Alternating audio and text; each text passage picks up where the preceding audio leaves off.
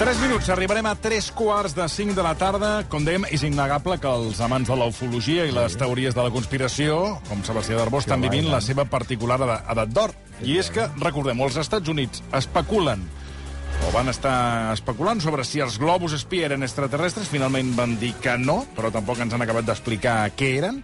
Avui ha aparegut una misteriosa esfera metàl·lica en una platja al Japó i s'ha fet viral un vídeo d'un home que assegura venir del futur i que afirma que el mes de març viurem una invasió extraterrestre. Bé, de tot això i d'altres qüestions en parlarem amb el Marc Serra, amb un convidat, eh, com sempre, especial.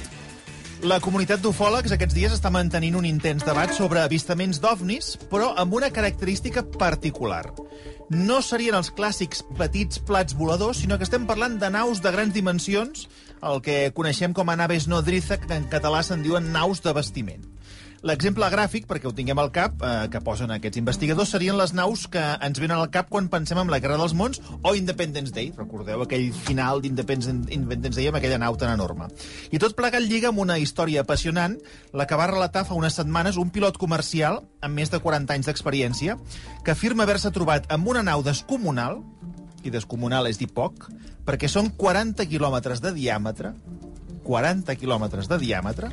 I, a més a més, aquest testimoni, els experts diuen que té tota la credibilitat. De tot plegat en parlem amb una persona que ha pogut parlar amb aquest pilot i que és un autèntic expert en la matèria. És el periodista, escriptor i investigador Josep Guijarro. Josep, bona tarda. Molt bona tarda. Gràcies per atendre'ns. Avui publiques un article que porta per títol Es multipliquen els avistaments de naus nodriza o naus de bastiment. Què, què està passant? Doncs eh, està passant això, que arreu del món s'està detectant fenomenologia que podem qualificar d'ufològica, que té a veure amb naus, o almenys aquesta és la seva aparença, d'extraordinàries dimensions. I el cas que referiu, que sí. va ser protagonitzat per un pilot ja jubilat eh, d'Air Europa, Juan Reyes es diu, doncs és un exemple palmari, tot i que no recent, perquè va tenir lloc el 1997.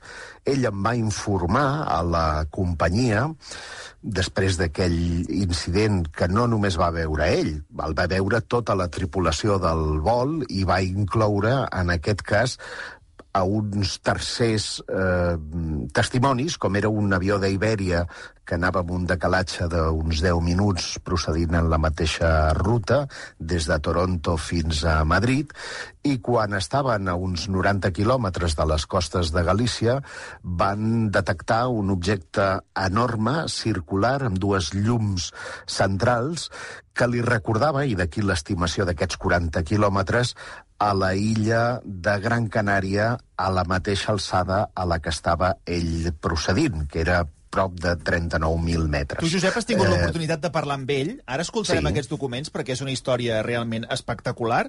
Tot va començar la matinada del 12 de març de l'any 97.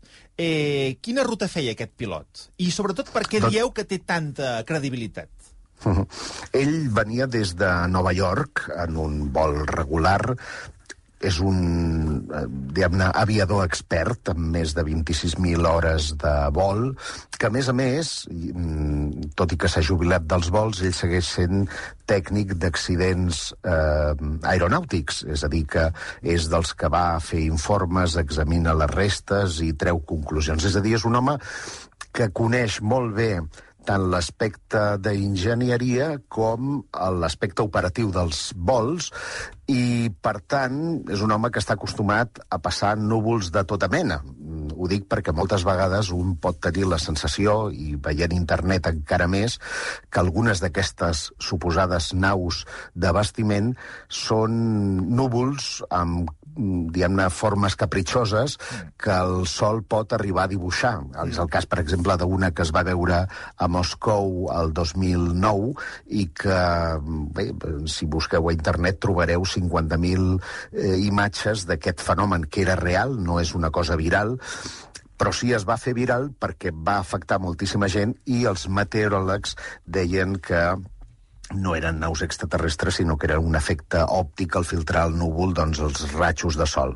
I això de vegades passa. Mm. Després hem de lluitar també abastament amb els bromistes que fan, gràcies als efectes eh, digitals per ordinador, Exacte, CGI, veritables la- obres mestres que exacte, ajuden sí. a la confusió.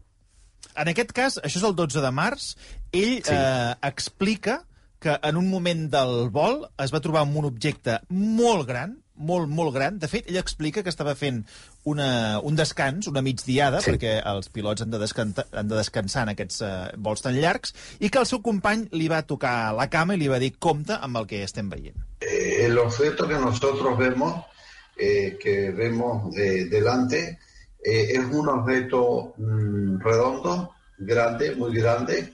Eh, fue impresionante porque, mm, vamos, no, nos asustó el tamaño que tenía.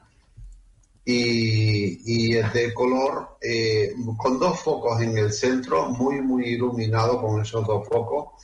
Eh, una luz muy fuerte, hasta el punto que te diría que la luz casi que nos alumbraba a, la altura del avión cuando ya sobre lo sobrevolamos, ¿no?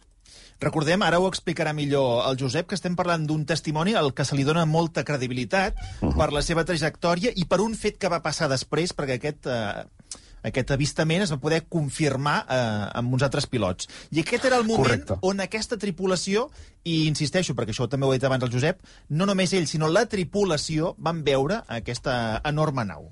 Y entonces me tocan la pierna todo muy alertado, eh, muy, eh, con, además que él tiene una voz profunda, muy fuerte, y llamando también a las azafatas, ¿no? Y bueno, y, bueno, ¿qué pasa? Y yo me, yo me miro así la, mi pantalla y veo que todavía eh, prácticamente Vigo estaba, pues eso, como 60, 70 millas desde que nosotros prácticamente vemos, ¿no?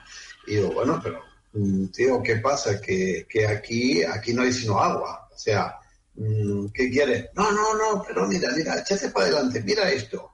Y seguía con la insistencia de las azafatas, seguían llegando las azafatas todas y todas ahí con una cara de, de, de- de- de admiración impresionante. Clar, hi ha diversos elements que ens fan pensar en la credibilitat d'aquest testimoni, perquè no només ho veu ell, ho veu el seu company, també la tripulació, i hi ha una posterior confirmació, no, Josep? Correcte. De fet, al, al començament d'aquest avistament el protagonitza un mallorquí, eh, que és Tomeu Salvà, el copilot que desperta, en aquest cas, a Juan Reyes, i fa passar el passatge. Ja, i t'ho dic jo, que he viatjat molt en avió, no es parla d'una altra cosa. Les hosteses van entrant i sortint de la cabina, van mirant com evoluciona aquella història, i en comunicar al senyor Reyes la presència d'aquell artefacte, el control de tràfic aeri, eh, per si hi ha algun, eh, alguna captació radar, li comuniquen que no, que allò no es veu en lloc, que no està monitoritzat. No es veu, però, estem parlant d'una paella enorme de 40 quilòmetres de diàmetre. Clar, i això ens faria sospitar. El que passa és que el Centre de Control de Tràfic Aeri de Madrid, que és el que comunica amb en Juan Reyes, no és un radar primari que detecta tot allò que vola, sinó un radar secundari que única i exclusivament capta aquelles senyals que són col·laboratives, és a dir, dona l'indicador del vol, dona l'alçada, dona els paràmetres de localització d'aquells avions que envien la baliza. No? Si no hi és, doncs ells no capten res. El que tenien que haver fet, i aquí és una història, eh, diguem-ne, apòcrifa, perquè mesos més tard entraria en joc Pegaso, que és el, el radar de la defensa, que sí va captar objectes aquell vespre, però no en, els, eh, en la localització que establia en Juan Reyes, eh, no és, en aquest cas, demandat el servei perquè mm, detectin aquell objecte. El que sí fa el control és mm, sota eh, responsabilitat de que pogués passar alguna cosa, que l'avió que venia darrere, que era l'Iberia 60U0, 6010, Sí. comuniqués eh, si veia el mateix. I aquell avió va tenir fins i tot l'autorització de poder fer un 360, és a dir, de sobrevolar, en aquest cas, aquell, aquell objecte, perquè tenia aquesta aparença, perquè semblava físic, i el sobrevola. El que passa és que a partir d'aquí venen les coses estranyes, i és que un cop a terra, el senyor Reyes vol establir contacte amb el pilot d'aquest vol i se li denega. Se li denega igualment el fet de mm, conèixer si hi ha o no investigació posterior. Mm. I tots els tràmits, diguem-ne, burocràtics que són habituals, doncs eh, no, no segueixen un, un procediment normal, la qual cosa el fa sospitar de que bé, potser doncs, no hi havia un interès ni per part de la companyia ni en aquest cas de, de les autoritats eh, aeronàutiques en investigar aquell incident que, insisteixo, eh, va canviar la vida d'aquell home perquè a partir d'aquell moment doncs, es convertiria en un, en un creient de totes aquestes coses. Escoltem com el segon avió, el que anava al darrere del, de Juan Reyes, confirma també el mateix avistament. que solicita permiso si no tiene nadie ya detrás, solicita permiso para bajar la velocidad,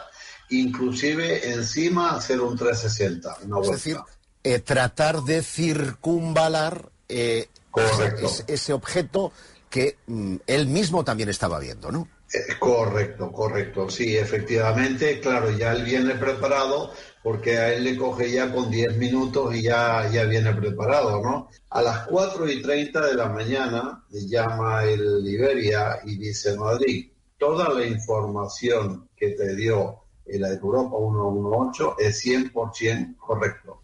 Per tant, un cas confirmat per dos tripulacions senceres. I el que apuntava el Josep, la història es complica. Aquest senyor, amb moltes experiències i amb moltes hores de vol, intenta explicar, intenta fer informes sobre aquesta situació que va viure totalment extraordinària, tota aquesta burocràcia es complica i, a més a més, aquest senyor se'n va de vacances amb la seva família, suposo que després d'aquest ensurt, i... I li pas- roben l'ordinador. Exacte. Escolta. Yo empiezo a investigar un poco y eh, a través de un gran amigo jefe de sala del control de Madrid, mm, estuvo por ahí por buscando la, a ver de qué es la vida de ese informe y, y la contestación que me dieron a través de él es que me callara la boca, que no estuviera hablando tonterías, porque eh, eso no se podía decir. No se podia decir, se'n va de vacances i, efectivament, ell denuncia el pilot que li entren a l'habitació i li roben la, la documentació. Això que estem explicant és una història que el pilot doncs, va explicar fa unes setmanes al, al mes de gener. Tu has pogut parlar amb ell, que és d'on hem tret aquests de, documents, però ens deies que estan passant més coses ara eh, d'aquestes grans naus, Josep? Sí, arrel, imagino, del histerisme que ha generat tot el renou dels globo, del globo i dels no identificats, que un d'ells també ja està identificat com a Pico Ballon, eh, doncs tothom ha mirat al cel. I s'estan detectant, especialment a Llatinoamèrica, però també en altres indrets, com pot ser Romania, eh, albiraments que fan enlairar, en aquest cas, eh, caces eh, interceptors de l'exèrcit i que després no capten res. És a dir, la gent des de terra veu estructures grans, els detectors electrònics, radars, també el detecten, però els pilots, en enlairar-se, no veuen res de res. És tot un enigma que fa, si més no, complicar encara més aquesta equació tan estranya entre geopolítica, ovnis i eh, qüestions comercials que enfronta la Xina i els Estats Units. Uh, com dèiem abans, hi ha moltes qüestions uh, que podríem avui parlar amb tu, però deixa'm escollir-ne una, que és aquesta esfera de metall d'un metre i mig de diàmetre que ha aparegut en una platja de la costa del Japó. Les autoritats han descartat que sigui algun tipus de mina i, a més a més, ha aparegut tota plena de, de mol·luscs i de crustacis. Quina explicació hi dones? Bé, hi ha, hi ha diverses explicacions. Una és, com s'ha apuntat, que es tractés d'una boia que rep el nom de Teda i que serveix de parany pels peixos. Eh? Però a mi em sembla més, per, per comparacions que he fet, amb eh, dipòsits de transbordadors, és a dir, seria basura espaial, i l'única cosa que em fa ballar el cap és un tros de cadena que es veu en un, en un dels, eh, dels eh, plànols que han transcendit a través de la televisió, que l'emmarcaria mi, més dintre de, del tema boies que no pas en el tema de la xatarra espaial. Sigui com sigui, jo crec que aquest es trobarà de seguida l'entrellat perquè estan a sobre les autoritats i tenim un objecte a estudiar, un objecte de ferro, oxidat, a més a més. Per tant, no estem davant d'una matèria exòtica que ens permeti somniar no? amb la possibilitat d'un tros d'ovni o, si més no, eh, d'alguna artefacte de misteriosa procedència. Els oients tenen un parell de preguntes sobre el cas que hem comentat abans, el de l'any 97. Per Sí. exemple, el Joan Soteres ens diu una nau de 40 quilòmetres de diàmetre només l'han vist els que anaven dalt de l'avió i ningú des del terra? Des de des d'aquí? Clar, estem parlant a 90 quilòmetres de la costa, estem enmig del mar i allà no hi ha testimonis. Perfecte. I la Lorma pregunta si els que anaven a l'avió, els passatgers, els que no eren ni pilots ni hostesses, Mhm. també van veure aquesta nau. Que jo sàpiga, no, però això no descarta res en el sentit de que els únics que tenen visió de 180 graus eh, són els tripulants de la cabina. Qualsevol persona que hagi viatjat en un avió eh, sap que el, el, la possibilitat, l'angle de visió des de la finestreta de l'avió és molt reduïda i, a més a més, si tu mires cap vall, més a més de nit, difícilment veus alguna cosa tret de que estigui il·luminada, amb la qual cosa mm, a ningú li va cridar l'atenció que hi hagués res quan, a més a més, a les 4 de la matinada l'usual és que el paisatge estigui dormint. Hi ha una altra qüestió, eh, aquesta no sé si em tiraràs els plats pel cap per preguntar-t'ho, però s'ha fet vi molt viral aquests dies, i és una publicació a les xarxes d'un suposat viatger del temps que diu que ve del 2671. Mm. I adverteix que la Terra patirà una invasió extraterrestre i posa el dia, fins i tot. El 23 de març, que ho he mirat, és un dijous. És un dijous. Dona més detalls. D'aquí un mes. Diu que unes 8.000 persones se salvarien, només, la resta de la Terra. Adéu-siau. Gràcies a una altra raça extraterrestre que les portarà a un planeta habitable. Uh, quina credibilitat li dones? Zero. Mira, eh, a més a més, em fa molta gràcia perquè aquest viatger temporal va adequant els missatges en funció del temps i de les notícies. Ah. Atès de que el meu propi mitjà, espaciomisterio.com, ja vam recollir el vaticini que havia fet per al maig del 2021, que pronosticava també el mateix. I com pots veure, En- tret que encara. consideris que els globus aquests han estat eh, obres extraterrestres, no hi ha hagut un contacte massiu. A més a més, la, la xarxa en qüestió, a, a través de la que ha transcendit aquesta història, és TikTok, i té diversos àlies. És a dir, el mateix usuari té diverses pàgines en la que va fent vaticinis i en difonen un o l'altre en funció de que hi hagi algun tipus d'encert. Amb la qual cosa s'està jugant amb molta de trampa. La gent que volia deixar de pagar, doncs haurà de continuar pagant més enllà del 23 de març. Josep, moltíssimes gràcies, una abraçada. Ha estat un plaer. Fins una altra, adéu-siau. Gràcies, bona tarda. Les Jo, perdoneu, 5, sí, què vol ara? no, bueno, va dir que són les 5, anaven sí, puntuals. Són les 5, però esclar, però jo no vull dir res, però a mi totes aquestes naves que, que ens venen a salvar eh, de la fi del món, això no ho esteu dient, ens venen a salvar de la fi del món, com deia aquest senyor, Sí. i tot això, eh, o sigui, Putin comença la fi del món, i això ho deia el Carlos Jesús. Seva Sí Efectivamente. que és veritat que ho deies. Buenas tardes, bendito seáis todos en el nombre de Yahvé, de Jesús y de María. Eso lo dije yo antes que Putin apriete el botón. Vendrán 13 millones de navis. una frase de d'aquestes... raticulí, Sí, sí, un, de un, Ganímedes, un fragment d'aquests històrics de del món de la ràdio. de beta. Al Escuchen. mundo vendrán, dentro de poco, 13 millones de naves de la, una confederación intergaláctica. De Ganímedes. De Ganímedes, de Constelación Orión, de Raticulí, de Alfa, de Beta. Todo esto se está preparando ya. Lo está preparando Antarcharán.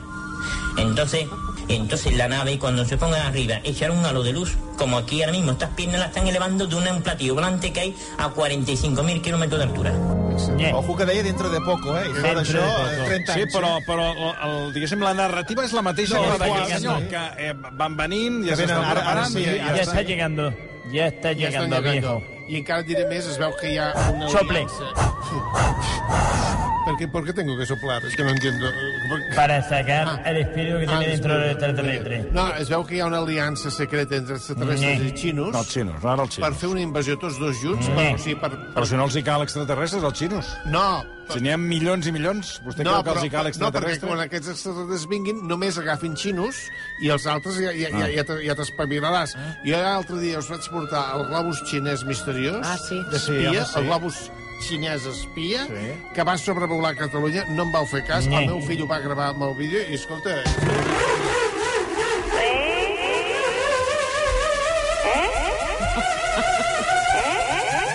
No, no, no. Conejo. Conejo. Suerte, suerte. Ya está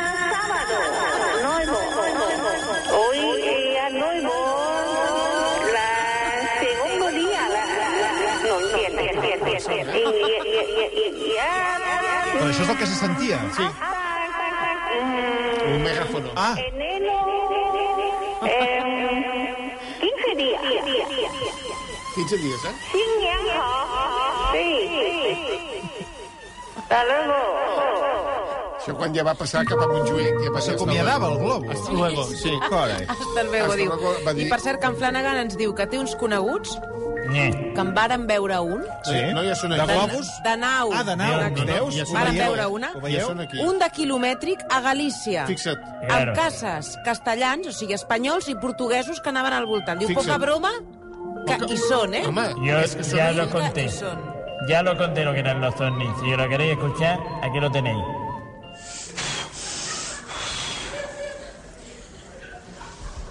Bendito sea todo. En el nombre de Yahvé, de Jesús y de María. Este no es.